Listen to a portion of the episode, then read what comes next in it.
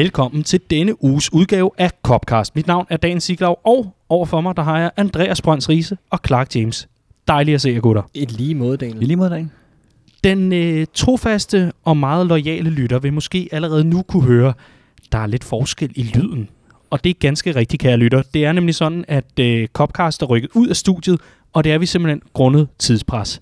Det er simpelthen sådan, at øh, vi har vores helt egen parlamentariker i form af Clark James, og øh, han insisterer simpelthen på, at han skulle til ja, parlamentssamling, eller hvad vi kalder det, møde i salen Ja. øh, mandag. Og det betyder jo, at vi bliver nødt til at rykke optagelse til tirsdag. Og hvornår havde vi egentlig lige tid til at optage den her udsendelse? Jo, umiddelbart inden kampen mod Atletico Madrid i Champions League. Godt så. Først og fremmest, Clark, lad mig lige høre, hvordan, øh, hvordan gik det i parlamentet i, øh, i går aftes, mandag? Jamen, jeg synes, det gik fint. Øh, det var godt inden jeg var samlet igen. Det gør vi lidt for sjældent, synes jeg. Jeg gad godt, vi sendte lidt oftere, og det kan jeg også forstå på nogle af de andre parlamentarikere. Det ville de også gerne, men øh, der skal jo en masse, eller der er en masse ting, der skal falde på plads med kampprogram og så videre, og sende plan ind på Viasat og sådan nogle ting, før at det kan lade sig gøre. Så øh, vi håber at kunne sende en gang mere, inden sæsonen er slut, og øh, det håber jeg også. Mm. Jeg tænker, det var en af de mere rolige dage på kontoret, at du kunne stå og fløjte lidt og trille nogle tommelfingre og ja, nærmest sætte dig ned i en blød stol. Ja, altså vi havde et segment omkring Liverpools fantastiske øh, sæson, og normalt var de her segmenter mellem 7 og 8 minutter, men øh, vi, jeg tror, vi kørte en, et minut og 20 sekunder eller sådan noget, fordi at, øh, det synes de andre ikke var sjovt at snakke om. det, det forstår man jo ikke, når vi har kvalt al modstand i ligaen. Men bare rolig, kære lytter. Det er der, du har Copcast til at redde dig, og øh, vi, vi giver den gerne 7-8 minutter, hvis det skal være. Det, det lover jeg dig. Altså af gangen, hver især, når vi har, vores, når vi har ordet. Men øh, drenge, vi øh, skal jo prøve at samle lidt op, og øh, vi skal øh, forsøge lige at få sparket gang i Copcast igen, nu hvor vi har haft den her øh, berømte og berygtede vinterpause, som Jürgen Klopp jo bare hæv ned over fodbold England. Stakkels mennesker, hvad skulle de gøre? Han insisterede på den og alt det her. Men øh, jeg vil egentlig mere øh, starte et, et, et andet sted i en, en, en lige Copcast, fordi øh, vi sidder faktisk og optager i lige præcis den bås, hvor vi øh, optog første udgave af vores nye videoudsendelse, månedlige videoudsendelse, der hedder Liverpool Showet. Det var skide sjovt at lave, Riese. Det var fremragende. Fuldstændig fremragende. Øh, jeg lagde mærke til, at der var, øh, der var nogle Sherlock Holmes-typer derude, der lagde mærke til, at øh, jeg lagde kraftigt for land med min fadøl, og, øh, og Daniel Siglau sad og spyttede sin. øh, men, øh, men som jeg jo så også øh, pointerede, at det var fordi, han snakkede hele første halvdel af udsendelsen, men da først Ja. vi andre fik ord, så forsvandt Daniel fadøl øh, også meget hurtigt. Ikke? Ja, og, øh, og, og så tog jeg ellers fra. Det jeg er en slow starter på de der fadøl der, men øh, når først fanden sig ved mig, så, øh, så skal I fandme se. Men, øh, men jeg, jeg synes Men- faktisk, at... Øh, ja, Ja, men nej, den spøj til side. Jeg synes, det er fantastisk at komme i gang med det, og, Mm. og tilbage i det format. Vi har jo prøvet med nogle videoformater tidligere, og det er jo sådan noget, hvor at, at det kræver lidt mere at få noget god billedkvalitet og sådan nogle ting, og der synes vi, vi nu har øh, musklerne til at øh, rent produktionsmæssigt at få det op at flyve, og det, øh, jeg synes, debuten var... Øh, var, var hen af en Van Dijk debut. Vi, øh, vi er lige ved at være der. jeg, jeg er faktisk meget enig. Øhm, og jeg har været enormt glad for at, at læse den positive respons, der har været, øh, Clark. Øhm, men, men det er jo ikke en engangsforsættelse, øh, modsat øh, alle de andre gange, hvor vi har prøvet at tage det her tilløb til, til videoformatet. Nu, øh, nu rykker vi altså. Ja, altså vi glæder os til at optage igen, og som Andreas siger, så føler vi, at vi har et setup nu, der kan bære det. Øhm, og så synes jeg også, at det var fedt, øh, ikke kun at få, øh, få positive tilbagemeldinger, men også konstruktiv feedback, som mm. vi helt sikkert har tænkt os at tage til os til næste gang, hvor vi laver nogle små justeringer på enkelte ting, som øh, lige skal løfte det sidste, og så tror vi, at vi kan køre sæsonen i mål med et par gode udsendelser.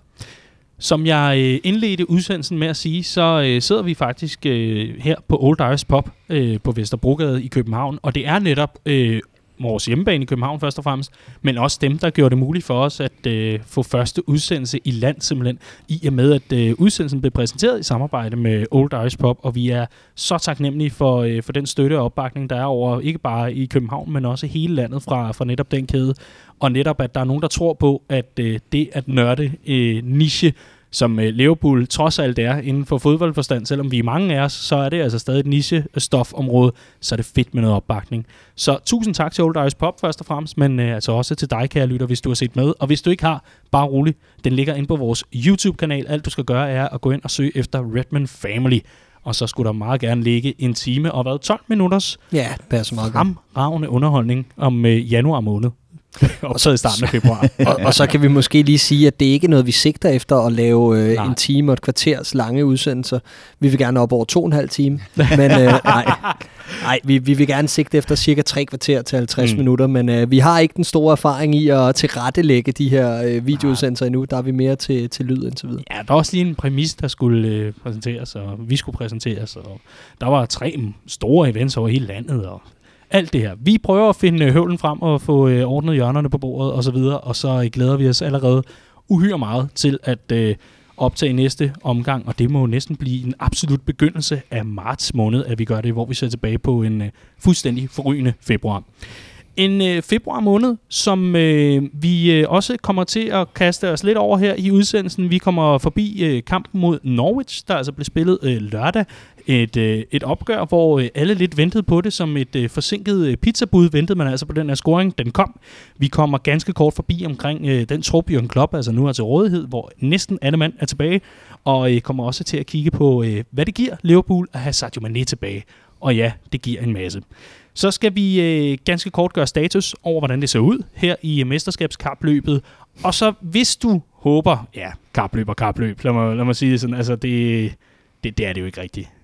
Det, det, det er lidt, ja, det er fikst, ikke? Det er sådan lidt ligesom Usain Bolt, da han slog igennem. Ikke? Det der med, at han kiggede sig tilbage undervejs og lundede ja. lidt, og alligevel Ja. slog verdensrekord. Ikke? Ja, jo, jo.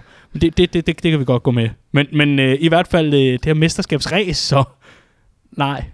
nej, okay. Vi kommer i hvert fald til at kigge på, øh, hvornår Liverpool kan vinde det her mesterskab. Hashtag no jinx, intet er sikret og alt det der. Men øh, i øh, talende stund har Liverpool kvalificeret sig til Champions League næste år. Det siger måske lidt om, hvilken øh, vej vi er på.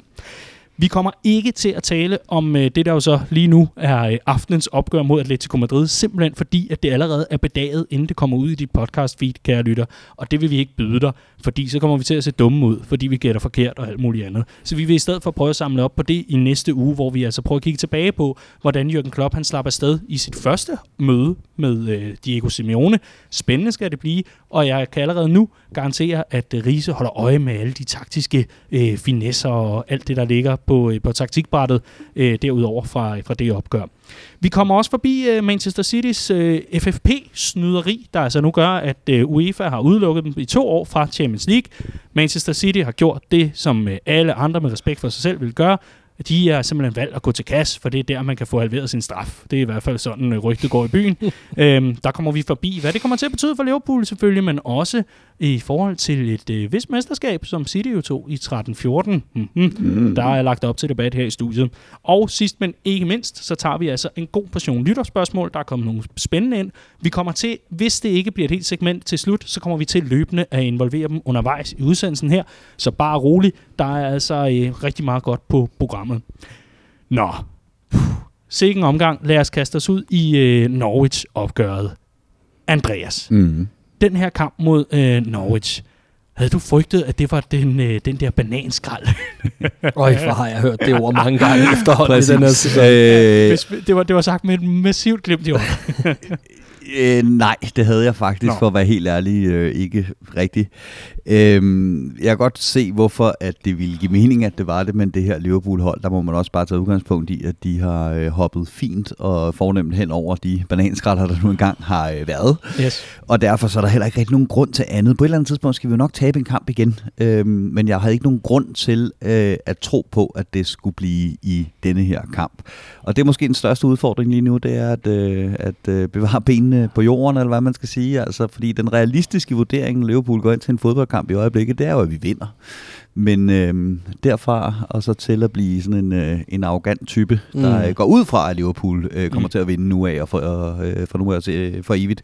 Øh, der, der er langt, ikke? Så øh, som udgangspunkt, så, øh, så troede jeg ikke på, at vi ville tabe den her kamp. Øh, men, øh, Ah. men selvfølgelig med en realistisk øh, vurdering i baghovedet, der også hedder, på et tidspunkt kommer vi til at tabe Ja. igen. Men øh, inden, inden vi kommer, kommer tilbage til det, så vil jeg lige høre, fordi øh, jeg ved, at du, Riese, har, øh, har alligevel et par bekendtskaber med, øh, med, med forhold til, øh, til Arsenal. Øh, tror du, at vores, øh, vores hold øh, i den offensive gameplan havde, sådan, havde siddet og kigget på et par Dennis Bergkamp-DVD'er inden det her opgør? Jeg synes, der var et par situationer, hvor nogen prøvede at, at, at gøre om kunsten efter. Øh, ja. man, kan, man kan se, en af mine, mine yndlingsstats øh, nogensinde for Premier League, det er jo, at, øh, at øh, Ashley Young har lagt to flere assist til John Carew, en bagkamp har til, øh, til Henri.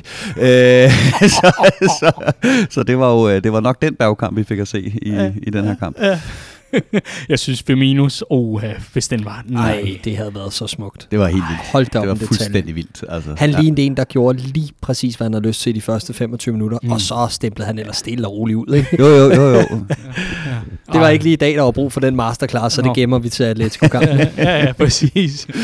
Nå, øhm, lad os øh, i øvrigt lige smide øh, bananskralden over i metafor øh, skamkrogen, øh, bare for et par udsendelser, og så kan vi ellers øh, se, om den skal findes frem på et eller andet tidspunkt. Men Clark, det er en, øh, den her sejr mod, øh, mod Norwich, den havde alle forventet, men øh, var du overrasket over, at der trods alt gik så lang tid, før Liverpool fik øh, hul på bylden i det her opgør? Ja, det var jeg, men, men jeg vil også sige, at Norwich er, er et hold, som på mange måder opsummere Premier League-sæson. Ikke? Altså, det er det hold, der ligger klart sidst, men de spiller god fodbold, og de kan skabe problemer for stort set alle i rækken. Øh, det er et af de hold, jeg synes, der har spillet mest modigt over for Liverpool i den her sæson over to kampe. Øh, og de har gjort rigtig ondt på både Manchester City, Arsenal, Tottenham øh, så videre. Ikke? Øh, så det er et hold, hvor man også godt kunne mærke, at de er skolet tysk. De vil gerne øh, spille sig ud af presset. De kan også godt lide at presse højt selv. Og, øh, og de er farlige på de her omstillinger og bolde i dybden efter Pukki. Øh, så, så jeg synes egentlig, det er et godt fodboldhold. Og øh, som kampen skred frem, lå det også lidt i baghovedet på mig, det her med, at det er et hold, der har gjort ondt på de andre tophold. Kunne det være sådan, et, kunne det være sådan en 0-0 i dag, eller de scorer sporadisk? Mm. Men altså, det, jeg nåede ikke engang at tænke, tænke sætningerne færdigt, fordi så tænker man bare på, at vi er ikke de andre tophold i år. Mm. Altså, vi er noget helt exceptionelt mm. i den her række, og det er jo sagt igen, uden arrogance og alt muligt andet. Det mm. er bare et fakt. Mm. Og øh, selvfølgelig gik vi op og vandt den her fodboldkamp, og det gjorde vi, selvom vi scorer i hvad, 77. minut, mm. eller noget af den stil, mm. så virker det stadig fuldstændig kontrolleret og sikkert. Ikke? Det mm. er kæmpe, kæmpe bedrift endnu en gang. Ja, Sadio Mane tilbage, det var dejligt at have ham tilbage, og øh, sikke en aktion også. Øh, jeg synes, øh, jamen altså, hele målet og opbygningen til det øh, indkapsler jo øh, meget godt de der øh, små øh, momenter af, af verdensklasse, der lige præcis skal til, for at man netop afgør øh, et, et opgør som, øh, som det her. Øh, men, men øh, Riese, det leder mig hen i, at øh, et er, at Sadio Mane er tilbage. Vores gameplan bliver selvfølgelig en anden nu. Øh, det bliver det bliver the good old uh, Jürgen Way, øh, i hvert fald hvad vi har set indtil videre i, i den her sæson. Men, men i en mere generel term, så ser vi altså lige nu ned på, øh, på, på, på Liverpools trup og kan se en, øh, en trup nu, hvor der er ganske få tilbage, som øh, klublægen kan spille kort med. Mm. Ja. Alle, alle er nærmest tilbage. Ja, og hvis man kigger øh, ned over den liste af spillere, så er det også bare virkelig øh, gode spillere. Øh, der har været snakket utrolig meget om, om Liverpools bredde, øh, mangel på sammen, var den god nok, øh, alt det her. Øh, jeg synes, det er, det, det, det er at lægge endnu et våben på den bredde, hvis man skal sige det på den måde, at i den her kamp, der synes jeg ved Gud ikke, at øh, Ox var særlig god på øh, venstre kant. Jeg synes generelt ikke, at, at kanten er hans position i Liverpool. Det har vi diskuteret til hudløshed. Øh, men til gengæld sad jeg også hele tiden med den der følelse af, at, at øh, ja, ja, Norwich er et godt hold, og når vi diskuterer det her med, at, at Premier League stadigvæk den, øh, den stærkeste liga i verden, så synes jeg, det er sådan et hold, man skal kigge på, som der er flere, der har påpeget. Der er minimum et godt fodboldhold, der rykker ud af Premier Premier League i år. Der er ikke det der sådan stinkende ringe fodboldhold, man bare kommer til og, øh, og banke øh, i begge kampe. Øhm, men jeg sad også med den der følelse af, at vi havde nok på banen til i hvert fald at komme hen til de der ty- sidste 20 minutter, hvor vi så kunne smide Mané øh, ind for bænken, og det virkede også som om, at Liverpool var klar på, at det var om ikke andet så plan B i den her kamp, mm. hvis ikke vi kunne mm. have afgjort den indtil da. Ja. Og det er jo altså også øh, noget, der virkelig siger noget om en, øh, en bredde på, på det her hold i den forstand, at hvis breddespillerne også bare øh, ved, at de skal holde øh, stand, indtil vi så kan smide kavaleriet ind for bænken, øh, så, er det, så er det endnu et våben i, i arsenalet. Mm. Ikke? Bare lige for at gøre øh, status, øh, i hvert fald på skadesituationen, og så kan vi lige komme ind på, øh, på, på emnet, var jeg lige ved at sige, eller i hvert fald øh, det her med øh, Klopps øh, nye bredde øh, i, i gåsøjne. Altså, det er kun Paul Glatzel og øh, Serdan Sakiti lige nu, som er ukampdygtige, mm. hvis man altså tager en øh, Instagram-video alvorligt, hvor øh, Nathaniel Klein ellers øh, har været ude med, med en kameramand, der er både drone og kran, og jeg skal komme efter det. Jeg, jeg tror næsten, han har lånt Lois Karius øh, LA-video good eller et eller andet til den her produktion. Hold kæft, den er flot. Prøv at tænke Ja, over, hvor billige marketingskroner det er for Nathaniel Klein, hans løn Mm. taget i betragtning, og med tanke på, hvor meget han skal ud og markedsføre sig selv som ledig til sommer. ja. så, så, så det giver, det giver fin mening. Men Han- fedt, fedt at have ham tilbage Mm. øh, som mulighed. Der ja. går nok noget tid, før han er, han er, han er noget nær kampdygtig. Han, han er sådan en type, hvor de andre bare sidder nede på jobcenter og er sådan, ah, come on. Ikke? Altså, helt ærligt, man kommer han bare med sin øh, 4K dronevideo og hep, hep, jeg er tilbage. Men øh, i hvert fald har han lagt en video ud, hvor, hvor det lader til, at han øh, både kan, kan, kan stå, gå og løbe igen, Ja, og ja. kan sparke lidt bold, og i det hele taget netop øh, gerne vil vise sig frem. Men altså, som det ser ud nu, øh, og så er det jo sådan lidt i, i parentes med, med Glatzel, må man jo sige, men så er det altså kun to førsteholdsspillere, der mangler. Det giver jo Jürgen Klopp en mulighed nu, hvor øh, der kommer et, et forår med, øh, ja, først og fremmest selvfølgelig de europæiske kampe, den vender vi tilbage til i næste uge, men altså også, der er et mesterskab, der skal sikres, og så er der selvfølgelig også en liga, der skal plejes, og en trup, der skal mm. Plejes, og noget, der skal holdes ved lige, og ja, hvad tænker I om, øh, om Klopps situation? Fordi vi så allerede den første, og igen i gåseøjne, konsekvens her i weekenden, i og med, at øh, Takumi Minamino blev øh, varet for let, eller fundet for let, eller i hvert fald, i hvert fald ikke var udtaget til kamptruppen, og derfor måtte, øh, måtte se med på, øh, på stream, eller i hvert fald øh, følge med fra tribunen. Ja, øh, det er et luksusproblem, han står nu øh, med Klopp, og det bliver gjort endnu værre af, øh, at det B-hold, han sendte på banen i FA Cup'en, gjorde det så godt, at de fleste nok også vil, øh, vil regne med, at der skal være nogle chancer til en, en øh, Curtis Jones, i hvert fald efter hende- hans præstationer i pokalturneringen, muligvis også en har vælger, selvom det er meget tidligt for ham Nico stadigvæk, ikke? Williams. og Nico Williams for den sags skyld. Øh, så, så det, jeg, kommer til at, jeg, jeg tror, der kommer til at ske, det er helt klart, at vi kommer til at se noget, noget mere rotation i ligaen, men samtidig så ved vi også bare, at Klopp er en mand, der godt kan lide kontinuitet, og han kan Mm. godt lide at, at køre den samme øh, start, hvor det er også det, der har bragt os dertil, hvor vi er nu. Øh, så jeg er rigtig spændt på at se, hvad, hvad, hvad planen bliver for nogle af de her spillere øh, sæsonen ud. Øh, og jeg tror lige præcis, at, at der vil være nogle spillere, som, øh, som får lidt mere spilletid, når der begynder at blive roteret. Men jeg tror også, vi kommer til at se konturerne til, hvem det er, der godt kunne være på vej ud af Liverpool med en øh, Champions League-medalje om halsen. Hmm. Med en Champions League-medalje om halsen. En Premier League-medalje. Om okay. Ja, okay. sorry. For det, det, det andet er først i næste uge. Ja. Og finalen er altså ikke, ikke endnu. Men, men øh, det er fair nok. Så det, det, I hørte Andreas sige, var, at Minamino bliver solgt til sommer. ja. Det var, det var en kort Øh, ja, fornøjelse. Lige præcis. Ja, Lige Øh, men, præcis. Ej, men jeg, men, men jeg er helt enig der med, at det er et luksusproblem, Mm. mm. Andreas. Så at, altså, vi er igen tilbage ved det her med, at, at det her det bliver bare en forlænget preseason for ham. Der er ingen forventninger til, at han skal spille særlig mange minutter for førsteholdet. Og, øh, øh, den eneste grund til, at han blev involveret så tidligt, var netop på grund af skadesituationen, var en helt anden i januar, da vi hentede ham til. Mm. Og ikke sagt, øh, ikke, ikke dermed sagt, at, at han blev hentet ind på grund af skadesituationen, fordi det var, det, det var bare tilfældigt, at der lige var plads der, til han kunne få de første minutter. Jeg, jeg, jeg læste faktisk en rigtig god artikel forleden. Øh, læser ikke så meget, Melissa Reddy laver længere. Jeg synes meget, at det bliver lidt populistisk, men hun havde en rigtig god vending omkring øh, Klopps Liverpool, og det her med, at der bliver scoutet og hentet spillere ind, som har det mindset, øh, som Eddie Robertson og Fabinho mm. for eksempel havde, med at man kigger efter, hvad for nogle spillere kan egentlig klare sig i den her modgang, der ofte kommer i en opstartsfase. Så man scouter altså spillere på dem, der øh, har fokus på ikke de første tre måneder, men de første tre år. Mm. Øh, og og, øh, og det, det synes jeg er meget interessant, det der. Øhm, og jeg er sikker på, at Minamino, han forstår godt sin situation, ellers så var han ikke i Liverpool. I øvrigt en artikel øh, af Melissa Reddy, som øh, jeg har forsøgt at, øh, at, at få omformuleret til noget dansk, og, øh, og i hvert fald har prøvet at lave nogle ledslag på, og man kan læse ind på redmanfamily.dk, øh, hvor Reddy netop øh, åbner for Liverpools overvejelser, og det handler netop om Timo Werner. Det er noget helt andet. Mm. Øh, det skal vi ikke ind på transferstoffet lige nu, men øh, det er netop det her med, kan man få en angriber, der er i fuld flor til at acceptere, at han er købt for tre, altså for tre år, og ikke for de første tre måneder Lige nøjagtigt. og så fremdeles. Læs mere inde på Dk. Så kom der også clickbait med i øh, Copcast. Men, øh, men jeg, jeg vil gerne ind på øh, nogle indikationer, inden vi begynder at runde af og skal have en bedømmelse af, af Liverpools indsats mod øh, Norwich med nogle karakterer og noget. Indikation af, hvem er det her begyndelsen for enden øh, for? Eller ja, du, du er selv inde på det, Riese, lige før. Jamen, øh, i øh, det Liverpool-showet, vi omtalte i starten af denne udsendelse, der har jeg jo øh, en af de forudsigelser for februar, at vi kommer til at se en Curtis Jones, der får flere spilminutter i PL end Sheridan Shaqiri.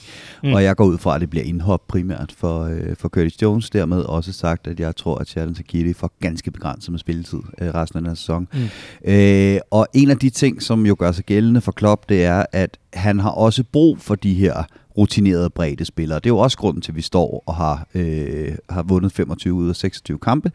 Det er, at når der så har været brug for de her rutinerede bredde spillere, så er de også klar til at steppe op. Også som vi ser mod Norris, ikke nødvendigvis gør en kæmpe afgørende forskel, men sørger for, at det her kollektive bundniveau, mm. som, øh, som er Liverpools absolute force i den her sæson, det ikke daler nok til, at vi ser de her udsving, der gør, at, at Norwich øh, lige pludselig øh, vinder over, over Liverpool. Øh, og der tror jeg bare, at her der ser han en, øh, en mulighed for at, øh, at, at øh, bytte rundt i hierarkiet, uden det bliver alt for voldsomt på en mm. eller anden måde. Jeg tror at godt, han kan se, hvad det er, Shaqiri kan, og det kan jeg også sagtens. Men jeg tror også, han er træt af Shaqiri på nogle områder. Jeg tror, han er træt af, at Shaqiri ikke sig skadesfri. Jeg tror, han er træt af, at han ikke øh, i højere grad har tillagt sig Liverpools måde at spille på, altså en kollektiv måde at spille på, øh, end, end han har formået indtil videre. Øh, så, så sådan en som ham har jeg lige nu øh, som, som min favorit til at, øh, at tage nogle kampe på tribunen, og det tror jeg, han bliver træt af i længden.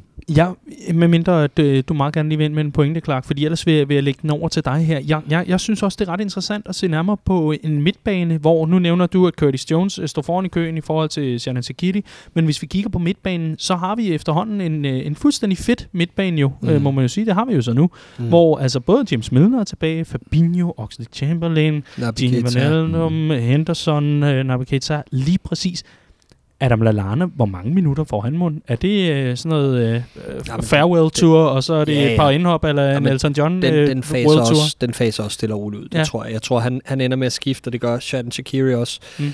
Jeg tror, Dejan Lovren er i overvejelsesfasen. Jeg tror ikke nødvendigvis, at man har travlt med at få ham ud. Jeg tror, man er tilfreds med de uh, centerback-valg, man nu engang har at vælge mm. imellem. Men øh, kommer det rigtige tilbud, og vil han gerne spille fast, jamen så, så ryger han også. Øh, jeg tror, så henter det, vi Ben White, tror jeg.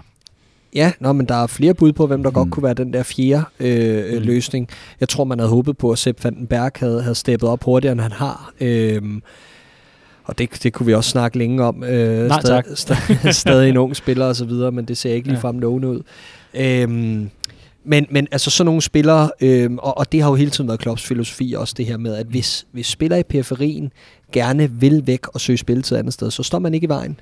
Og øh, en anden, som der har været lidt snak om, det er Adrian, øh, som er anden keeper, og som muligvis får en mulighed for at komme ned og stå i barndomsklubben Betis. Øh, og så lader vi også ham gå. Mm. Og, og det er jo lidt vemodigt, synes jeg. Øh, men men øh, sådan er der så meget. Så, så meget afhænger også af, var Gorigi. Altså, hvor meget vil han søge spilletid andet sted? Mm.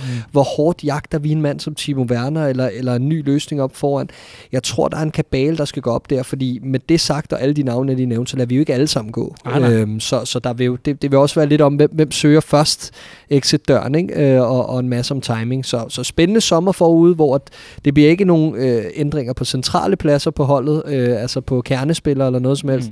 Mm. Men, øh, men der kommer til at ske nogle ting i periferien, også bare for, at man kan holde truppen frisk øh, og, og sikre det næste kul. Og så vil jeg sige, at øh, også selvom at det kunne være øh, op, oplagt et eller andet sted, i og med at måske, måske ikke rykker Leeds op i Premier League, nu må vi jo lige se, der er noget formnedgang og noget andet, men, øh, men altså, jeg, jeg tror, James Milner bliver på grund af, at vi har et splinter nyt træningsanlæg, øh, der, står, der står færdigt lige om lidt, hvor han skal rende rundt og være den nye, den nye hyggecoach. Jeg tror, han skal hygge sig så meget på det der anlæg. Især med de historier, der har været, som vi gennemgik i øvrigt i øh, denne måneds udgave af Liverpool Watch, hvor Pilov kom med nogle rigtig fine betragtninger omkring øh, James Milner. Jamen, øh, der, der tror jeg altså, han bliver netop for at hygge rundt omkring. Hvis lige trykker op, så skifter James Milner til Leeds og bliver anfører. Det tror jeg ikke. Jeg tror, at øh, en mand som James Milner, det, det, det der også hører med til ligningen her, det er, at jeg tror også, at de her spillere er helt med på, at øh, der kommer til at blive reddet nogle pokaler i Liverpool. Det ser meget ud til her mm. de næste par år. Og det kan man få lov til at være med til. Øhm, og jeg tror sådan en som James Milner, han vil, øh, han vil, han vil fint kunne finde sig til rette med, ikke nødvendigvis at spille så mange kampe, men at slutte karrieren af med, øh, med et par rigtig fine pokaler på sig så man føler, at han har, været, har spillet en rolle i at vinde. og det er jo det, der, er, der også er, er, er, er hele humlen i det her, for eksempel i forhold til sådan en som Divock Origi, ikke? Altså, han begynder at nærme sig en alder, hvor han godt vil spille noget fast fodbold, men, Mm. øh, men, men der er altså også bare en mulighed for at vinde nogle, nogle ting her, hvis man kan, kan øh, ja, hvis man er med på sin rolle på holdet. Ikke? Mm. Lad mig lige sætte scenariet op her. James Milner får muligheden for i en alder af 34 år. Han kan runde sin Liverpool-karriere af med det første mesterskab i 30 år for klubben, mens han stadig er nogenlunde fast mand på det Mm. mm. hold. Nogenlunde. Han er i periferien til holdet. Kommer ofte ind og spiller også øh, de her marginalkampe. Har vundet VM og Champions League det sidste år. Har han der mulighed for endnu en Champions League-titel. Hvordan skal han overgå det næste år? Jeg synes, det giver rigtig god mening, hvis Leeds rykker op og får en treårig kontrakt i øh, barndomsklubben og være anført de sidste år. Det er jeg ked af, men uh, Thomas Frank ødelægger den barndomsdrøm. Og, uh, nok om det. Ja, det kan vi tage til sommer. De her, vi skal have nogle øh, bedømmelser ganske hurtigt omkring øh, vores øh, indsats, eller Liverpools indsats øh, mod Norwich. Og øh, jeg har simpelthen bestemt, at øh, det er Clark, der får lov til at starte her. Jamen, jeg giver syv. Et syvtal. Ja. Solidt syvtal. Jeg synes ikke, at det var videre øh, imponerende, men det var Mm. det er jo sindssygt, at vi bare fortsætter med at vinde, når vi ikke er særlig gode, og, og Ja. ikke nok med at vinde. Vi sidder på det hele. Altså, øh, alle stats og, og, spilmæssigt er vi aldrig rigtig i fare. Norwich har optrækket til nogle muligheder, men, men der skinner vores individuelle klasse bare igennem. Allison i første halvleg, ja. og Mm. flere sekvenser i anden halvleg også, hvor vi vinder nogle vigtige bolde på midten. Så et syvtal er Mm-hmm. Ja, og så har der været meget snak om den her vinterpause, ikke? Altså, der er de her øh, træningslejre primært sydpå i de foregående sæsoner, øh, hvor det ligesom er blevet fortællingen, at vi vender rustne tilbage fra dem, og med trætte ben og lige skal i gang, og i den fortælling glemmer vi gerne, at vi vender direkte tilbage og smadrede Porto øh, med 5-0. Øh, men derudover, øh, så, øh, så, så, så synes jeg godt, man kunne se det. Altså, jeg synes godt, man kunne se, at der var et hold, der lige skal, skal op på, på duberne igen. Men, øh, men ved du hvad, jeg går også med 20 Åh, ja. Jamen, ved I hvad? så øh, vil jeg egentlig lige tage den nykket op. Øh, simpelthen fordi man formår at holde et øh, clean sheet, man formår at sidde fuldstændig på det, og man bruger jo heller ikke meget mere energi end højst nødvendigt end en meget, meget vigtig øh, Champions League-kamp mod Atletico Madrid. Og nu skal jeg passe på, jeg aner jo ikke, hvad, øh, om, om, det, øh, om det er positivt eller negativt, men i hvert fald øh, et, øh, et flot 8-tal herfra, og øh, nej, det er måske en, en anelse for højt sat, men jeg kan simpelthen ikke lade være med at øh, være imponeret af, af, hvad vi så. Så et 8-tal herfra, og øh, well done, lads. Jeg har også lige et lille hængeparti med jer to, som øh, jeg tænker, vi skal øh, have ordnet her. For i vinterpausen, der øh, spillede Liverpools første hold med en gennemsnitsalder på 12,5. Øh, en, øh, Passer ikke, Daniel. Nej, øh, det er ironi. det er slet ikke noget, jeg mener. Øh, Lyve, Daniel. øh, kampen ingen så. Skal vi lige prøve at smide en karakter efter Young Lads her? Jeg så den i hvert fald ikke live. Strawberry. Men øh, jeg har set den efterfølgende. mm-hmm. Jeg siger ikke, det var med arabisk kommentator. Jeg siger bare, at jeg så kampen efterfølgende. Og, og du øh, ved, at uh, arabiske kommentatorer udtaler Harry Kewell. Har det kul? det ved jeg, det ved jeg af en eller anden grund også. Aner simpelthen ikke, hvorfor han skulle nævnes midt i den kamp, men det blev han. Øh, øhm, Det er det der med, når, når, man, når man ikke har vendt sin udprint ordentligt, så man sidder stadigvæk med... med, med noter fra 2008. Schmeiser. det er præcis. Men hold nu op, hvor var det imponerende. Mm. Øhm, mest det udtryk, som bare skinner igennem. Man kan bare kende førsteholdet i det hold der. Ikke? Altså den måde, vi sætter os på spillet på, og bare har en modenhed i nogle helt specielle faser af spillet. Øh, altså Pedro Chilivera ligner jo øh, Jordan Henderson, når han spiller på det hold der. Altså det er jo, det, der er bare sådan nogle aftryk, som bare er meget, meget tydelige. Nogle roller, der bare er defineret. Forsvarsspillerne har en ro på, når de har bolden. Baksene er aggressive og offensive og har et output det begynder bare mere og mere at skinne igennem af, at man har sat et aftryk hele vejen ned gennem klubben. Ikke? Øhm, så, så super imponerende, og så Curtis Jones, som den er helt store drivkraft øh, for de her unge drenge. Han tør bare noget helt vildt øh, efter det mål, der han lavede mod Everton. Det har, det har virkelig gjort underværker for ham. Øh, hvis jeg skal give en karakter, så giver jeg 9. Jeg synes Yes. virkelig, at det var imponerende, og jeg synes, de her selv Sepp Vandenberg, som vi snakker om, har været langsomme om at komme i gang i, i Liverpool, øh, spiller en super god kamp og mega disciplineret mod en, en voksen, rutineret modstander i Shrewsbury, som er vant til at fighte, og mod de her unge drenge burde kunne gå ind og tryne os. De havde 8.000 tilskuere med på lægterne. Altså, de, de havde så meget sult for den her kamp. De skulle ud og vise Liverpool, at man ikke nedprioriterer den her turnering og ikke skider på deres klub. Ikke? Men det formåede de simpelthen ikke. Nej. Godt så. Riese. Jeg synes, jeg synes klart, det mest fascinerende var, at når man ser de her cup-opsæts, så foregår de gerne på sådan en eller anden pløjemark i League 2, mm. et eller andet stadion, hvor folk, altså, tilskuerne sidder helt ind til siden den der meget intime atmosfære, øh, hvor man kan få et helt stadion med på bare at fighte og, øh, og, og takle hårdt og, øh, og sætte sig på de her dyrt betalte øh, stjerner. Øh, den går ikke på, øh, på Anfield. Det er simpelthen et større stadion. Der skal andre ting til for at fylde det ud, at det stadion ud med sit spil.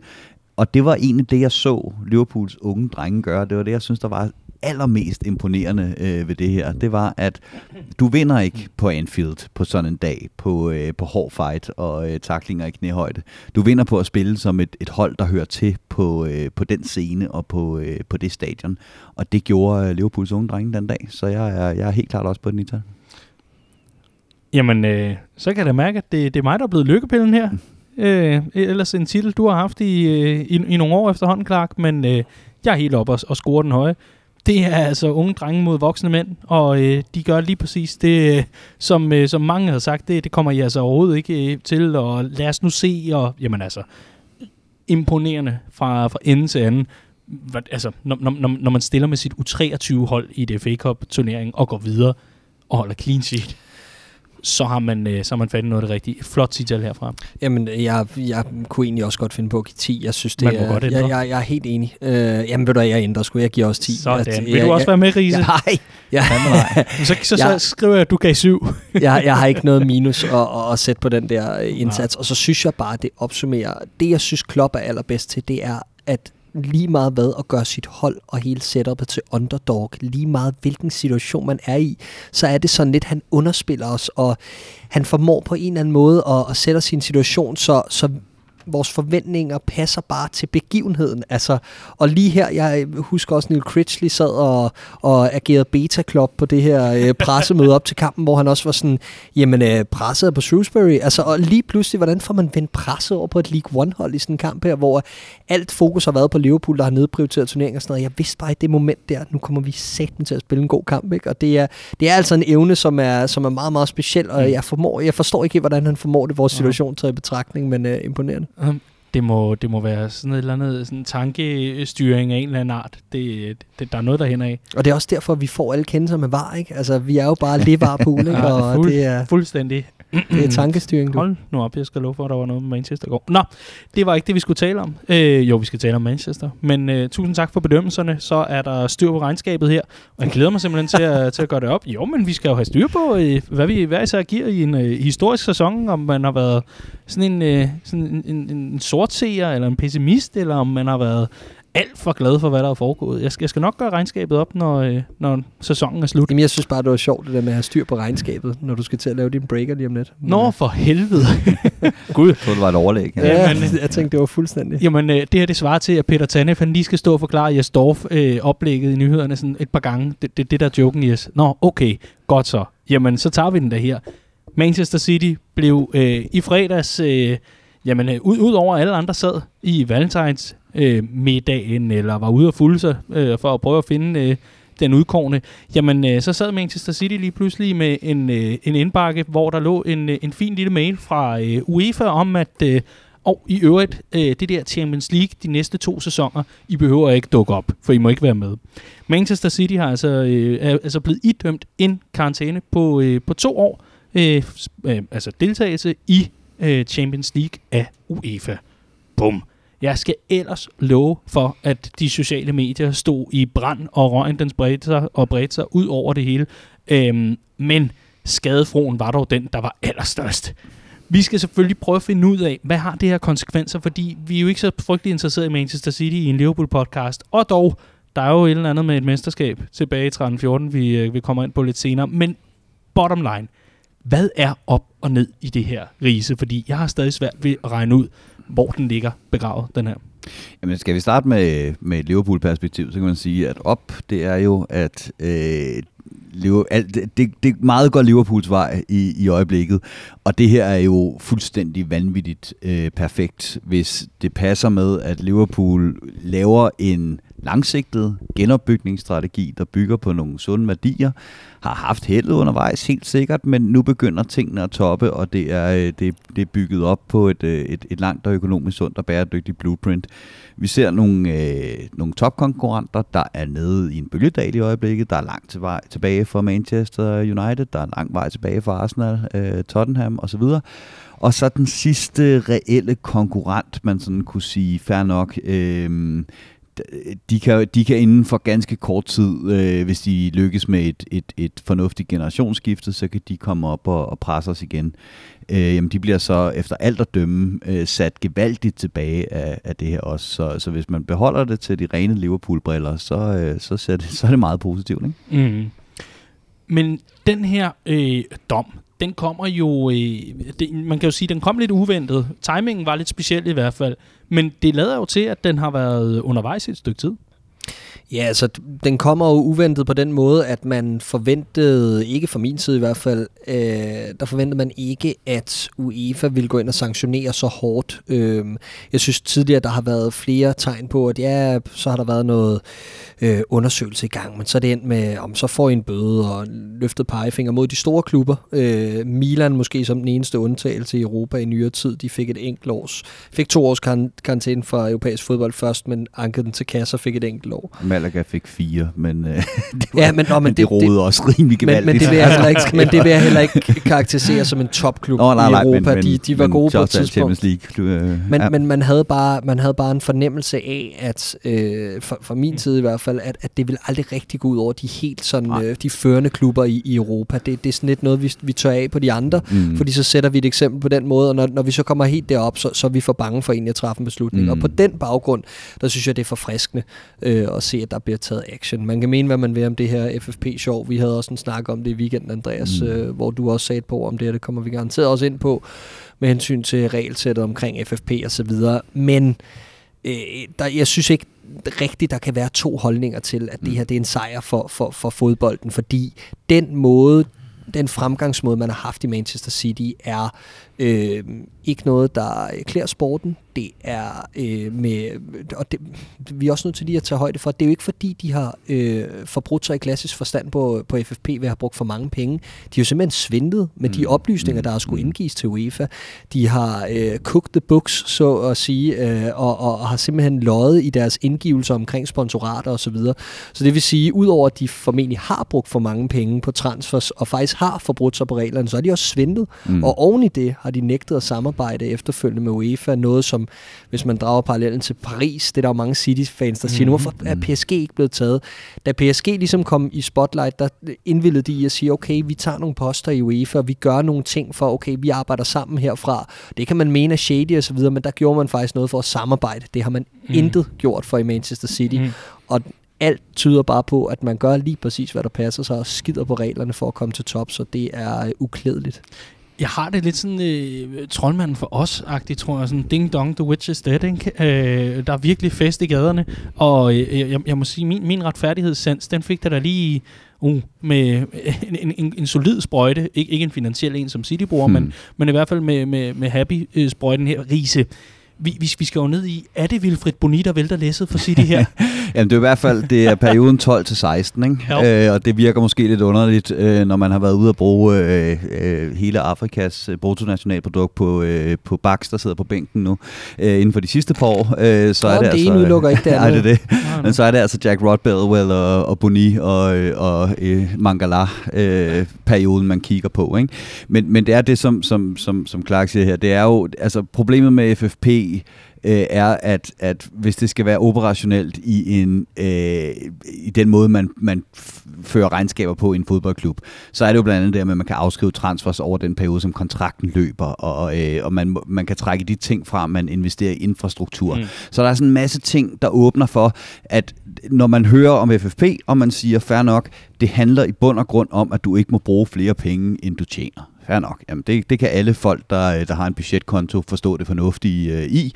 Men i bund og grund, så er det ikke så gennemskueligt. Og det er det, vi ser med, med, med PSG, det er det, vi ser med, med Manchester City, det er, at, øh, at Bournemouth er blevet knaldet for øh, brud på FFP, men de her store klubber, der kan flytte rundt mellem multinationale selskaber, klubber i udlandet, og kan aflønne deres træner ved at give ham en eller anden konsulentløn fra Katar og rend mig i røven.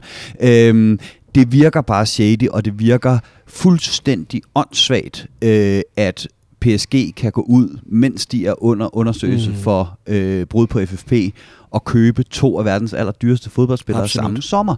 Så det, det, det, det, der er sejren for fodbolden her, det er, at man ligesom har sagt, okay, nu stopper det, fordi det, apropos retfærdighedsfølelse, ikke? vi har sagt ja til at overholde de her regler, og det kan godt være, at I kan betale alverdens dygtige bogholdere for at få det til at se regelret ud, og I kan få penge ind ad bagvejen og alt det her, men nu sætter vi simpelthen øh, en marker ned og siger, nej, den går, den går simpelthen ikke. Mm. Vi kan godt gennemskue, der er noget galt, og nu, nu, nu falder hammeren. Ikke? Øh, og, og det, man ikke skal tage fejl af her, det er, at det, det, der foregår lige nu, det er i bund og grund en krig om, om fodbold skal reguleres. Og jeg ved godt, at jeg snakkede også med dig om i weekenden, Clark, og så kan vi diskutere det her med FFP, og, mm. øhm, og City har sådan set en pointe, når de siger, at FFP beskytter de, øh, de, de, de klassiske, Klart. traditionelle store klubber og sådan nogle ting, og det er, en, det er en helt anden diskussion. Men lige nu, der, der står den for mig der, hvor vi siger, fair nok, nu er der en krig, der hedder, skal fodbold reguleres? Mm. Det synes jeg, den skal er de midler, City har taget i brug for at sprænge fodboldens glasloft moralsk forkastelige, og skal de være en del af fodbolden? Ja og nej. De er forkastelige, og de skal ikke være en del af fodbolden. Problemet er altså bare, at den krig står mellem City og mod UEFA, som ved Gud heller ikke er nogen, øh, øh, sidder på nogen særlig høj moralsk hest, øh, og derfor har, øh, er der sådan en spændkrig i gang, fordi det er altså UEFA og FIFA, man er oppe og slås med, og, og de er også oppe og står indbyrdes, og det må vi så tage til den tid, den diskussion om UEFA og FIFA er, som de skal være, om reguleringen er, som den skal være. Lige nu er krigen, skal fodbold grundlæggende reguleres, og der øh, synes jeg kun, der er, øh, der er en hest, jeg har tænkt at sætte mine penge på. Og bare lige for at tage den ned på et, øh, på et sådan lidt mere simpelt og primitivt plan i forhold til Manchester City og hvad det her det betyder. Fordi du er inde på det, Andreas, fra 2012 til 2016. Det er den her periode, hvor man kigger i Citys bøger og siger, at der er noget galt. Ikke? Øh, øh en ting er omkring øh, sponsorater, en anden ting er omkring, at man ikke har samarbejdet omkring tallene og informationerne i den her periode.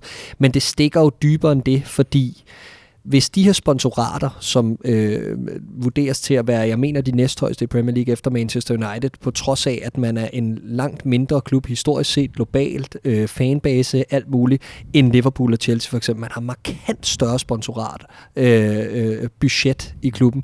Hvis de her sponsorater bliver vurderet til at være øh, falsk oppustet, og der er forkerte kanaler, de ligesom kører igennem, jamen så vil det jo også gå ud over de øh, regnskaber, man har haft i de efterfølgende år, og så har man jo igen forbrudt sig på, på Financial Fair Play. Så der er en masse detaljer omkring sådan selve den her dom, så når vi får det endelige svar efter appelsag og så videre, jamen så kan det gøre rigtig ondt på Manchester City, fordi folk siger det her med, at de, det er jo ikke særlig mange penge, de har fået en bøde på 25 millioner mm, pund, og det mm. betyder ikke noget. Men man skal bare huske, at de her 25 millioner pund, det kommer oven i de Champions League-indtægter, øh, som man misser ved, øh, lad os sige, det ender med et års karantæne, det tror jeg er øh, realistisk. Billetindtægter mm. på et par tusind pund. Øh, ja, præcis. Øh, det er ikke meget mere end det i hvert fald. Men, øh, men, men det er altså 100 millioner pund oveni i snit for et hold som Manchester City i Champions League. Og det er for et hold, der godt nok omsat for 550 millioner pund øh, i sidste, øh, sidste år, da det gik godt, men kun havde et overskud på lige omkring 10 millioner pund. Mm. Trækker du så bøden fra? Trækker du de manglende indtægter for Champions League fra? Trækker du øh, øh, hele det her sponsorat helvede fra hvert år? Jamen så er det lige pludselig et kæmpe problem for en klub som Manchester City, mm. og især fordi de er under lupen nu. Så de skal levere, ellers så bryder de igen reglerne. Så det er en ond spiral, de kommer ind i, som betyder, at de er nødt til at nedjustere kraftigt sportsligt og skille sig af med store kapaciteter i den her øh, øh, trup, som vi kender det i dag, og muligvis også på managersædet. Så bare lige når man siger det her omkring, at pengene ikke går ondt på Manchester City, her er der ikke nogen vej udenom. Det kommer de til at gøre, så frem de bliver dømt. Og bare lige for at, øh, at understrege Clarks pointe her, så har City, øh, de tal jeg har kunne finde, øh, verdens tredje højeste lønbudget og verdens femte højeste indtjening. Uden Øh, Champions League-penge, så ryger de ned på verdens 8. højeste indtjening. Og så er spørgsmålet, hvor meget af den indtjening, der reelt ikke eksisterer i virkeligheden som ren sponsorindtægter, men er bankrollet af en statskasse. Og det er sådan en, en yderligere pointe til det her, som når jeg har diskuteret det her med folk, så er der flere, der sådan siger, jamen okay, hvorfor og det, og det frie marked og fri konkurrence? Hvor frit er markedet, og hvor fri er konkurrencen, når der er to klubber, der er bankrollet af en stat? Det er jo fuldstændig det modsatte af fri, frit marked og fri konkurrence, ikke? Ja, og så er der, altså, og der er en masse konsekvenser, der kommer med der. Der har været snak om League 2, der har været snak om, at spillerne muligvis kan gå, fordi det er, at City har forbrudt sig på den kontrakt, der nu engang er. Der er en masse spekulationer, som vi ikke, vi ikke ved så meget om endnu. Hvad det her betyder for Liverpool, bare lige for rundt af, det er jo, at vi får efter alt at dømme den eneste reelle konkurrent øh, på domestic vis, altså på den, i den hjemlige øh, liga og, og i, i kopturneringerne, får et gevaldigt øh, hak i tuden, og ikke bare økonomisk og alt muligt andet. Altså, så frem at denne her dom, den står, jamen, så får Manchester City enorme problemer med at holde sig etableret i toppen af, af både Premier League, men også international fodbold. Og øh, jeg kan faktisk ikke rigtig se nogen vej udenom. Jeg tror, at det bliver rigtig, rigtig svært for Manchester City over de næste 3-5 år. Mm-hmm. Ja, og, og jeg tror, min mølle. og jeg tror, øh, for at vende tilbage til en pointe om, at det her det er også en krig, jeg tror, at den her er begge klar til at tage helt til dør. City er klar til at forfølge den her. Ja, det er de sagt jo. De er allerede øh, hyret 30 af verdens bedste advokater, eller hvad det er, ikke? Øh, og er klar til at kæmpe i overvis for at, øh, at få, få omstødt det her og, og kæmpe for deres ret. Jeg tror også, en af de fejl, øh, de begik mange fejl, øh, hvis, hvis alt står til trone, men, men nogle af de e-mails, der er leaget, øh, som det her jo startede med, mm. øh, Operation Longbow, som der Spiegel kunne afsløre, afslører jo en helt vanvittig magtafgangse.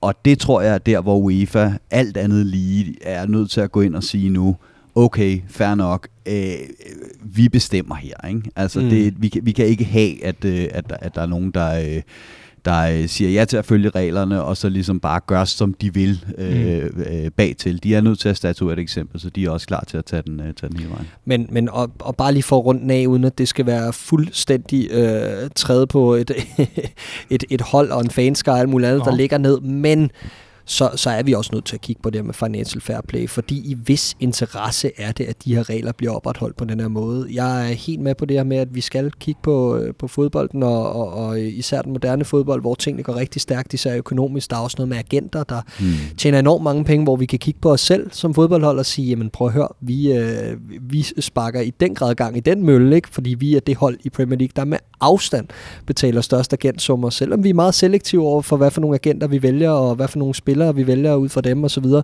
så er det stadig noget, hvor vi også kan kigge indad. Så, så der er noget, der skal reguleres på den her måde. Jeg har simpelthen bare ikke svaret på, nej, hvordan, det, det skal, hvordan det skal gøres, men, øh, men, og, og men øh, lige nu, der kan jeg godt forstå, ja, at man sidder og kigger på FFP.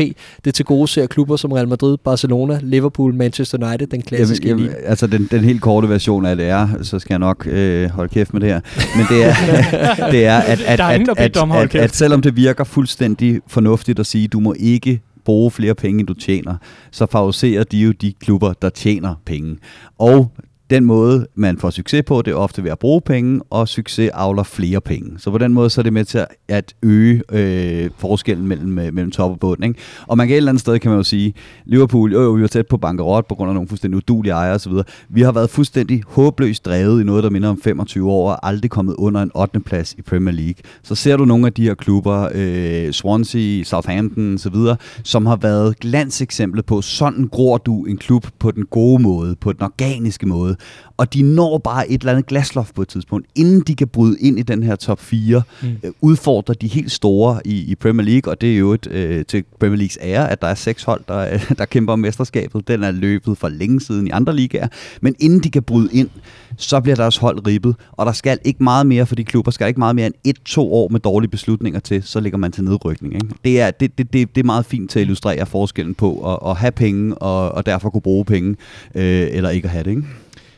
Jeg øh, sidder tilbage, og jeg, øh, jamen, jeg bliver hver uge øh, ikke, ikke forbløffet, jeg bliver bare øh, beriget af at høre jer udlægge øh, teksten, og det er en øh, sand fornøjelse, de her. Øh, vi, vi, vi vi skal dog til øh, lidt øh, retrospektiv øh, spekuleren, for øh, nogle af de ting, der har været op at vende, og som jo har må man sige, noget med os at gøre, det er, at øh, der kan komme en øh, konsekvens for Manchester City, udover selvfølgelig, det har uden økonomisk og, øh, og så fremdeles, så er der også muligheden for, at i tidligere sæsoner kan de øh, få en øh, pointreducering, de kan få frataget deres titler og så fremdeles. Det vil jo åbne for en øh, ting, som øh, jeg tror øh, mange husker med smerte øh, i hjertet, især vores tidligere anfører og Liverpool-legende Steven Gerrard, sæsonen 13-14, hvor Manchester City løb med det mesterskab, der burde have været vores. Hvad, øh, sådan et øh, mesterskab på, øh, på skrivebordet, hvis, øh, hvis det bliver aktuelt, hvad, hvad tænker du om det, Clark? Nå, men der er to sider af det. Altså det ene er, at hvis øh, Manchester City har været finansielt dopet og har været Lance Armstrong FC, øh, som ja. de bliver kaldt på sociale medier rundt omkring, jamen så er, det jo, så er det jo almindelig procedure, så skal Liverpool være engelske mestre, og det skal Manchester United vel også være tilbage i 2012, for at vi lige gør den helt færdig.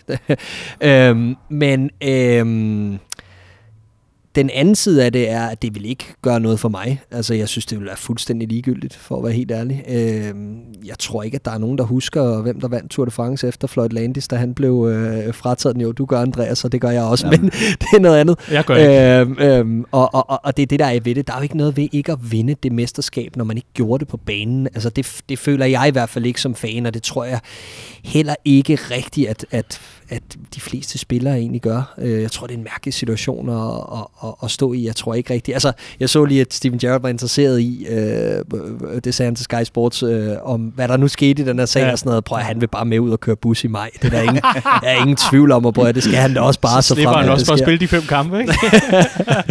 så, øh, men, men, øh, men det vil ikke gøre noget for mig som fan. Ja, altså. he- hele det her videoklip med ja, det berømte slip, der jo betyder, at Demba bare han øh, kan tordne afsted, øh, og, og desværre af, af, afgøre kampen mod Chelsea blandt andet. Jamen, øh, det er der jo mange, der øh, altså appellerer for. Det skal jo fremover, der skal det jo spilles baglæns. Ja. så det simpelthen er en scoringssituation med dem, der bare, der så simpelthen bare kører tilbage, ja, ja. og så får Steven Gerrard bolden ja, igen, fordi ja. han er simpelthen, ja. han, han suger bolden til ja, sig dengang. Præcis. Det gjorde han altså. Det gjorde han. Vi husker det, da vi vandt mesterskabet 13-14 Gris. Kan du huske, hvordan dem bare havde en friløber, og hvordan Steven Gerrard ja, han, han vandt den på midten? Øh, som sædvanligt kom flyvende som den defensive øh, anker, han var, og stoppede endnu et kontraangreb. Prøv at tænke over, hvis man kan øhm. tage den endnu længere, og så faktisk også spille øh, Crystal Palace-kampen baglæns, så ja. kommer vi faktisk på 3-3, så giver Crystal Lige pludselig mening. Præcis, ja, præcis. Det er simpelthen imponerende, ja, hvordan... Ja. Ej, man skulle tro, bare havde været inde over. Ingen af målene gælder. 3-0. Men, øh, men, men bare lige for øh, at supplere til det, Clark Clark siger, så vil jeg jo sige, netop med Lance Armstrong er et meget godt eksempel, fordi der står nu ingen officiel vinder af, hans, øh, af de år, hvor han vandt Tour de France. Der er han bare blevet slettet som vinder, men der er ikke nogen, der har fået prisen i stedet for. Ja. Men der jeg ved, at da Contador blev, blev øh, knaldet for at have det der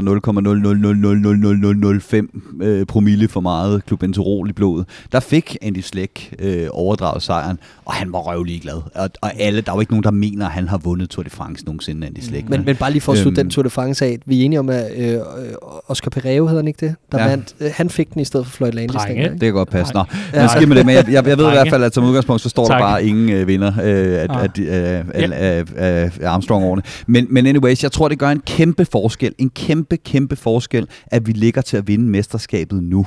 Hvis ikke vi havde gjort det, hvis ikke vi vidste, at, at vi hævede trofæet om, om et par måneder, øh, uden no jinx, måske. Øh, måske, som alt ser ud lige nu, så tror jeg måske, der er jo nogen, der vil være et større sådan, moralsk dilemma i forhold til, at uha, så kunne det jo være det, der ligesom brød tørken. Nu tror jeg sådan set, at folk er sådan lidt, jamen fuck det, altså bare, lad os bare lave sådan en løsning, hvor City ikke er vinder, og vi heller ikke, og der, mm. ja, ja, det, det, det, det, blev ikke afgjort. Øh, for dem, der vandt på banen, de, de, mm. de vandt ikke alligevel. Ram røven. Anyways, så, øh, så, så tror jeg også, at hvis man tager, øh, og det giver selvfølgelig den her ekstra øh, krydderi på det, at det er Steven Gerrard for fanden. Ikke? Altså, mm. han har aldrig vandt det øh, mesterskab.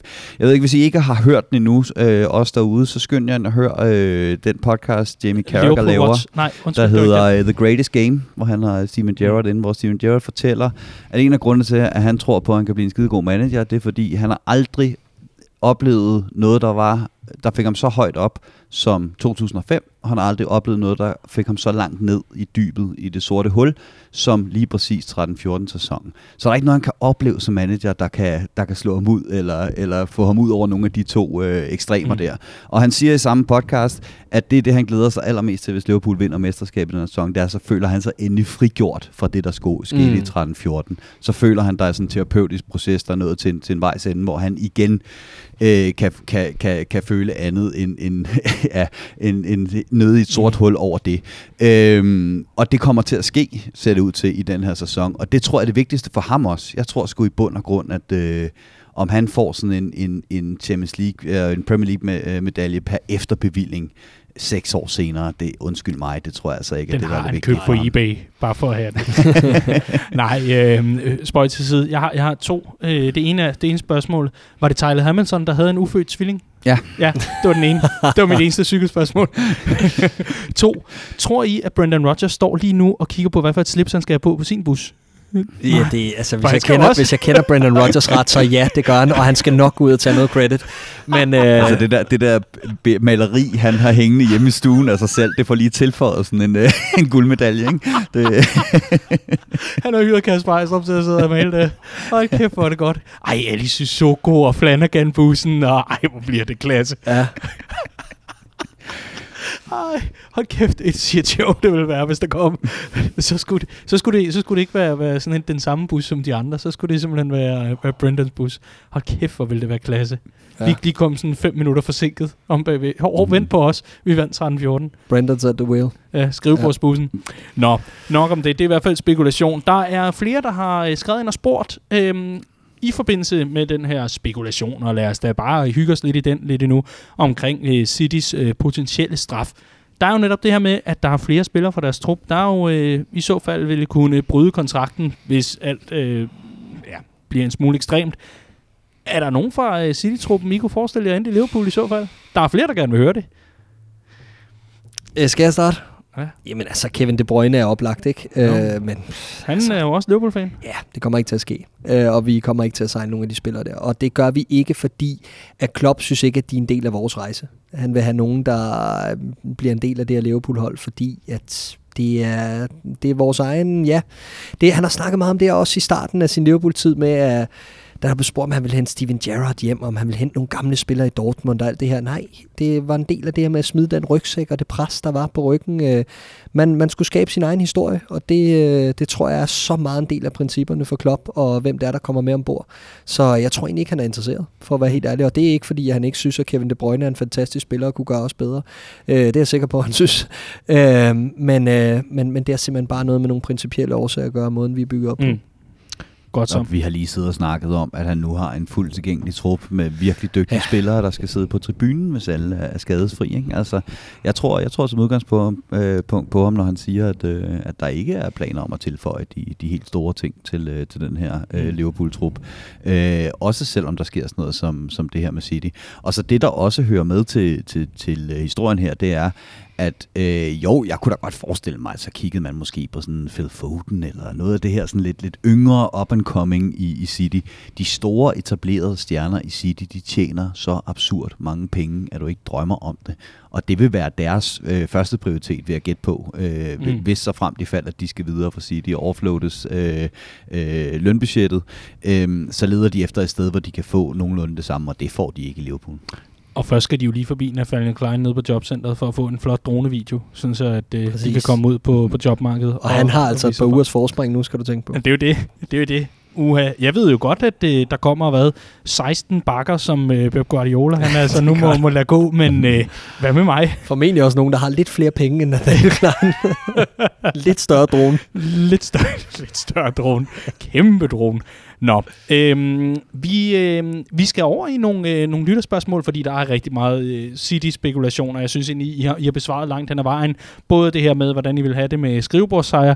Jeg har det personligt sådan. Alt, hvad øh, der kan bryde væggen øh, på Melwood eller Kirkby, det synes jeg bare, vi skal tage imod. Altså, hvis der er et mesterskab, der er vores, så er der et mesterskab, der er vores. Vil jeg, vil jeg fejre det og minde det, øh, mindes det? Nej, men øh, det er altid vigtigt at lægge på, hvis vi kan. Så lad os da endelig Jeg få orker, Ja. orker ikke den diskussion med United-fans om, hvem der har vundet flest trofæer. Og skal vi lige pludselig til at diskutere skrivebordstrofæer også, om de tæller med? Oh, altså, jo, jo, men hvis vi får nej, et, nej, hvis vi får et hver, så... det er selvfølgelig rigtigt. vi, øh, vi har fået et spørgsmål fra øh, Mikkel Jacobi øh, Thomsen, øh, som skriver, For at få en mesterskabsmedalje, skal man have spillet i minimum 5 Premier League-kampe. Hvis, skråstrej, når vi vinder den i år, og så i parentes, hashtag no jinx, han har lært det, tror I så, at de spillere, der på nuværende tidspunkt har spillet kampe i Premier League, men mindre end de fem kampe, når at få spillet nok kampe? Minamino har spillet to, Curtis Jones har spillet to, og Harvey Elliott et. En kamp. Det ene minut tæller for en kamp. Men når nu det lysner op på skadesfronten, er der så plads til, at alle tre får kampe nok? der er simpelthen en her, der øh, det, det er nærmest helt bubelpædagogagtigt, sådan, at der skal være nok til alle. Er, der- er der nok til alle, øh, når, når sæsonen er gjort op her, til de unge og til de gamle og til de nye? Og hvad Jeg tror, jeg tror, vi har snakket lidt om det Ja. tidligere faktisk, i forhold til nogle af de unge drenge i hvert fald. Mm. Øhm, jeg tror Minamino, jamen det ved jeg ikke. Altså jeg tror faktisk ikke, Klopp har nogen øh, præference i forhold til at skulle give dem det.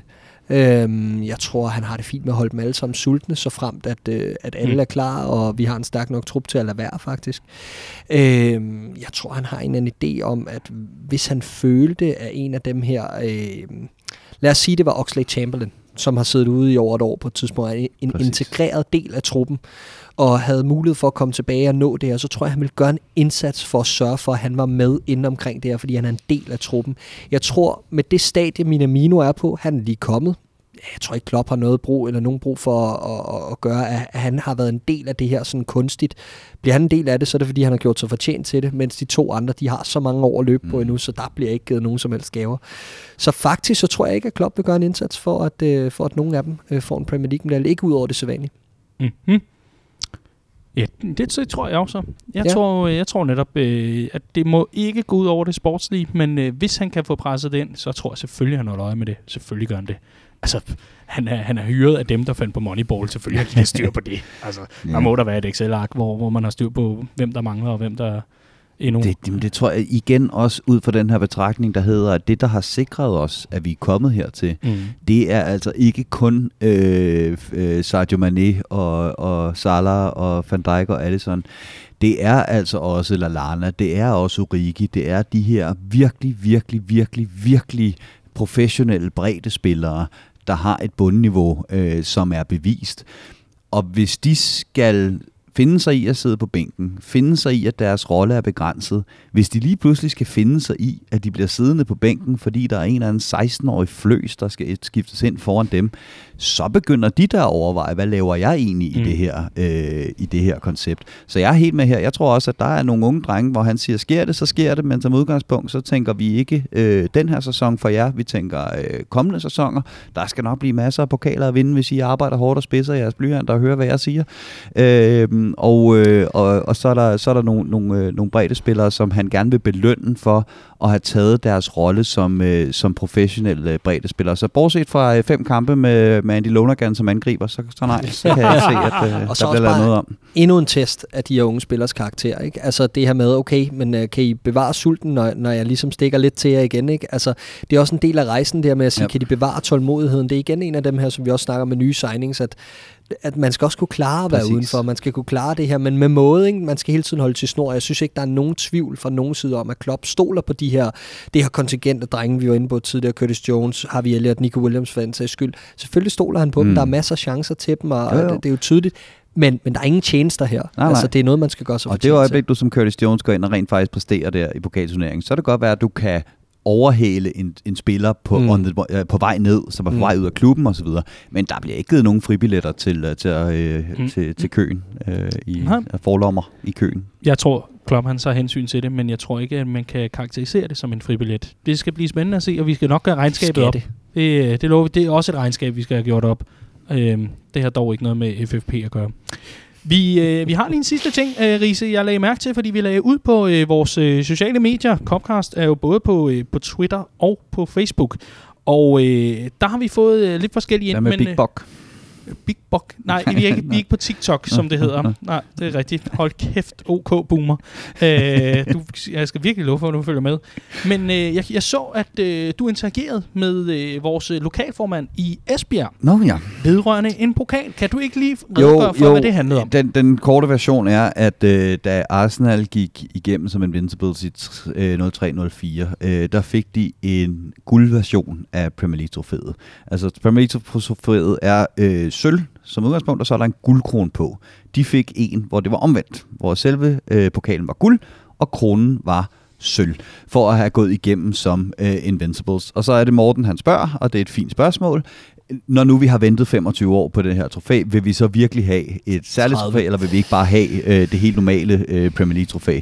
Og, øh, og jeg huskede det som, at øh, de fik begge dele af Arsenal. Altså de fik overragt på øh, den dag, de, de ligesom vandt mesterskabet, den helt normale sølvpokal, øh, pokal, og så lavede Premier League en guldpokal da det stod klart, at de var Invincibles. Og jeg har tjekket op på det, Morten. Den er altså god nok, fordi at Premier League-formanden øh, dengang var ude at sige, vi laver selvfølgelig ikke en pokal øh, til et Invincible-hold, før de reelt er det. Så, så den blev simpelthen først lavet, efter de havde vundet den, øh, den sidste kamp. Og det hører med til yderligere øh, detalje på historien. Arsene Wenger fik faktisk den pokal med som afskedsgave, da han forlod øh, Arsenal som manager. Så den står hjemme hos, hos Arsene Wenger, mens der nede i Arsenals trofærum står en helt mm. Replika af deres øh, 0304 mm. trofæ. Så øh, du skal ikke vælge, Morten. Du kan få begge dele. som afskedsgave. Det er en øh, afskedsgave selvfølgelig, den dag du måtte forlade et eller andet. I hvert fald så står den øh, som øh, fint ude i entréen, eller som dørstopper, eller et eller andet hjemme, hjemme i Vengers hjem. Interessant og, og enormt, øh, enormt givende at vide, at øh, der også er guldtrofæer på vej til Liverpool i så fald. Dejligt. Det er godt lige at få... Øh, få, få 12 kampe igen, ikke? Vi... Øh, Ja, øh, nej, øh, det, det bliver sgu en anden gang, hvor Riese får lov til at fortælle sin John Barnes historie. øh, ved du hvad, det kan, det kan blive under rulleteksterne. Det er godt. ja. godt. Det, det, det kan blive ligesom øh, Patrick Pilovs øh, fun fact hver måned i Liverpool Watch. Ja. Øh, forrygende. Det, det synes jeg virkelig, man skal høre alle minutter af den seneste udsendelse af Liverpool Watch, bare for at komme frem til Patrick Pilovs længe ventede fun fact. Det var altså i særklasse Clark. Hvis du ikke har, øh, har været forbi endnu, så synes jeg, du skal gøre det. Aha. Vi er jo nogen, der ser verdens bedste liga hver uge, så jeg tænker måske, at du jeg også tænker på noget. Den fond. Jeg tænker ja. det lidt, ikke? Ja. Nej, øh, Redman Family, øh, det er så ikke lige Copcast, øh, men øh, Copcasts fader, om man vil, Redman Family, vi er øh, på Instagram også. Vi er ikke på TikTok endnu, det skal nok komme, når, når Risa han kan stave øh, navnet rigtigt inde i, inde i, i søgebaren. Men øh, der har vi også åbnet for, øh, for spørgsmål inde på vores Instagram, og Øhm, der er et, øh, et spørgsmål, som er lidt interessant her, fordi vi af gode grunde ikke rigtig ved, øh, grundet aftenens øh, kamp, som øh, vi, vi jo lige nu ikke kender resultatet af, men øh, i forhold til et returopgør. Fordi det er sådan, at Andy Robertson i talende stund, mens vi øh, taler sammen her i, øh, i Copcast, han er altså blot et enkelt gul kort fra en karantæne, hvilket vil betyde, at hvis han i aftenens opgør får gul kort mod Atletico Madrid, så vil han ikke være med i returopgøret hjemme på Anfield. I så fald vil Rasmus Iversen Vind gerne høre, om Milner vil være solid nok på venstre bak til det opgør, altså mod de helt store modstandere. En, øh, en, hvem, hvem er reserve for Robertson, hvis, øh, hvis det er, det sker? Øh, jamen, det, der vil jeg gå ud fra, at Clark han mener, at vi skal have Gomes på højre bak, og så Trent over til, øh, til venstre, ikke? øhm, men det må, vi jo, det må vi jo så se. Ej, øh, jeg, jeg tror som, øh, som udgangspunkt, så tror jeg faktisk, det, øh, det, det er Milner. Øh, og, øh, og, og øh, det er bare en mand, du ikke... Altså, lav aldrig den fejl, altså, fejl at afskrive øh, Milner. Øh, han har ikke hurtigheden, men, men, men han er klog, og jeg tror, i en kamp hjemme på Anfield, øh, der, der vil det være der vil det være øh, fint nok at, øh, at, at bringe ham på, på venstre bak. Mm. Ja, også mod en modstander som Atletico Madrid, mm. som vi selvfølgelig på ingen måde skal undervurdere, men mm. det er ikke offensiven, der er deres helt store styrke, øh, i øjeblikket i hvert fald. Det klikker ikke rigtigt for dem, og de har ikke de der traditionelle udfordrende spillere på kanten, mm. som øh, kan gøre ondt på os, som, som mange andre af, øh, af klubberne i Europas elite vil kunne øh, bringe. Øhm, men øh, jeg husker, da Andreas sagde i starten af sæsonen, vi ville se meget mere Joe Gomez på venstre bak i den her sæson. Ja, det var så lige indtil han blev øh, fastmand igen inden ja, i centerforsvaret. Der fik han 30 mm. minutter, tror jeg, i Supercupen. Ja, men, øh, ja. Ja, ja. Det var da også meget mere, end vi så om der sidste år. Cirka en stigning på rigtig igen, mange procent. Jesus Christ, mand. Har du stået i lære hos uh, City Søren, eller hvad? Hold kæft, spinminister 3000, mand. Nå. Øhm, Clark, jeg synes, at øh, jeg, jeg, jeg synes, at vi, vi lige skal forbi omkring øh, det her Invincibles, fordi mm. øh, lige nu, der er øh, i mangel af bedre indhold åbenbart på, øh, på deres hjemmeside. Der er den engelske presse meget ude på besøg hos øh, Liverpool-legender og store Liverpool-ikoner for at høre, åh, tror I, at drengene kan gå hele vejen som ubesejret i Premier League? Og øh, i, øh, i, i hvert fald i et interview her for nylig til Sky Sports, der siger øh, Gud, jeg mener Robbie Fowler selvfølgelig, at øh, det mener jeg sagtens skal ske, men det er ikke rigtig noget, han koncentrerer sig om. Og for få dage siden, der fandt vi altså et interview med John Barnes, der sagde, han tror altså, at Liverpool øh, kommer til at tabe. Hvortil at øh, du, Riese, lige pludselig ud af det blå lige rev en anekdote ud af, Så ærmet. kommer jo, John Barnes historien. Jeg også. synes det faktisk som en del af rulleteksterne her. Altså, det er bedre end at diskutere, øh, om vi eventuelt går ned i kadence på et tidspunkt, har når vi vi har været i. vundet Den øh, har vi diskuteret og tidligere i vi dag. i stedet for skal 12 fokusere kampe igen, og bla, bla, bla. og- Vi skal Nå, have John Barnes. vi skal have John historie. Barnes-anekdoten. Ja, fordi øh, John Barnes, han, øh, han, han har jo gjort sig som manager. Ja, jamen han var, øh, han var manager i, i Tranmere på et tidspunkt, Ja. øh, hvor han havde øh, Jason McAteer med øh, som assistent, så vidt jeg husker. Og øh, historien er øh, sådan frit genfortalt efter hukommelsen, at John Barnes han cykler på arbejde hver dag. Øh, og så bliver han fyret. Og øh, så siger Jason McAteer til ham, der begynder at samle sig journalister ude foran en rudindgang til klubben der, porten. Og så siger Jason McAteer, du møder simpelthen ikke verdenspressen på cykel. Det, det er for dumt. Øh, lad være med det. Øh, vi smider din cykel ind i min bagagerum, og så øh, kører vi ud herfra. Øh, og de står og bakser, men de kan ikke få den her åndssvage cykel ned i det her bagagerum. Øh, og så modtager Jason McAteer en sms på et tidspunkt fra en af sine venner, hvorpå der bare står, drej forhjulet. Øh, og så har de ikke placeret sig uden for kameraernes rækkevidde. Så i stedet for John Barnes møder verdenspressen på cykel, nej, fordi han er blevet fyret, nej. så fanger hele verdenspressen, at Jason McAteer og John Barnes ikke kan finde ud af at pakke en cykel ned i et bagagerum. Øh, men det lykkedes til sidst, og, øh, og han fik en værdig, værdig afslutning. Det må have set yderst øh, suspekt ud, det der. Hold kæft, mand. Og vi har været forbi cykelhistorier, mand. Det er jo, der gik vi fra Lance Armstrong til Team Easy on, tydeligvis. Jesus Kristus, mand. Og lad, wow. det være, lad det være rulleteksterne for, øh, for denne Copcast, der altså blev optaget ude af huset øh, på Old Ice Bob på Vesterbrogade inde i, øh, i København. Den, øh, den smukke indre by lige over for Tivoli, hvor vi altså har vores hjemmebane i København. Og øh, hvor det altså øh, var muligt for os, og tusind tak til Old Ice Pop for det, var muligt for os at øh, få optaget øh, denne uges udgave af Copcast. Et kyndigt panel, som i, i allerhøjeste grad forsøgte at øh, holde sig inden for tidsgrænsen, vi har sat op, men øh, fejlede endnu en gang, og tusind tak for det. Andreas Brøns Riese, chefredaktør for Redman Family. Dejligt at have dig med, Andreas. En fornøjelse, Daniel. Og Clark James, medstifter af Redman Family. Også dejligt at have dig med. Ja, jo tak. Skal vi ikke lige smide en øh, lille øh, information her, Clark? Jo. For øh, det er jo sådan, at øh, det der med tid, det, øh, det kan være lidt svært. For vi, øh, vi er jo simpelthen ophængt, og kampprogrammet øh, er ikke lige til vores fordel. Så Copcast har et lille mandagsproblem. Det må man sige. Ja, jamen altså, øh, vi kommer nok til at rykke lidt rundt de næste par uger, øh, Mhm. så der må I bære over med os derude. Øh, det kan godt være, at vi sender en gang imellem om tirsdagen, så kunne det godt være, at det kom ind imellem om mandagen, og måske om søndagen, og vi Ja. ved ikke helt, hvordan det passer ind, men vi forsøger selvfølgelig ikke at nedprioritere det. Vi Mm. skal bare lige rykke lidt rundt, så det hele passer sammen. Øh, også med vores nye optagelser af Liverpool-showet inden mente.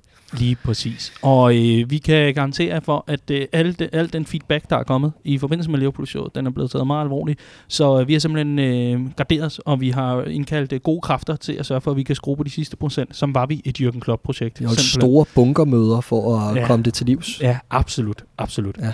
Men i hvert fald, det var øh, denne uges udgave af Copcast. Hvis du kunne lide det, du hørte, så er du mere end velkommen til at kvittere med fem stjerner inde i din podcast-app.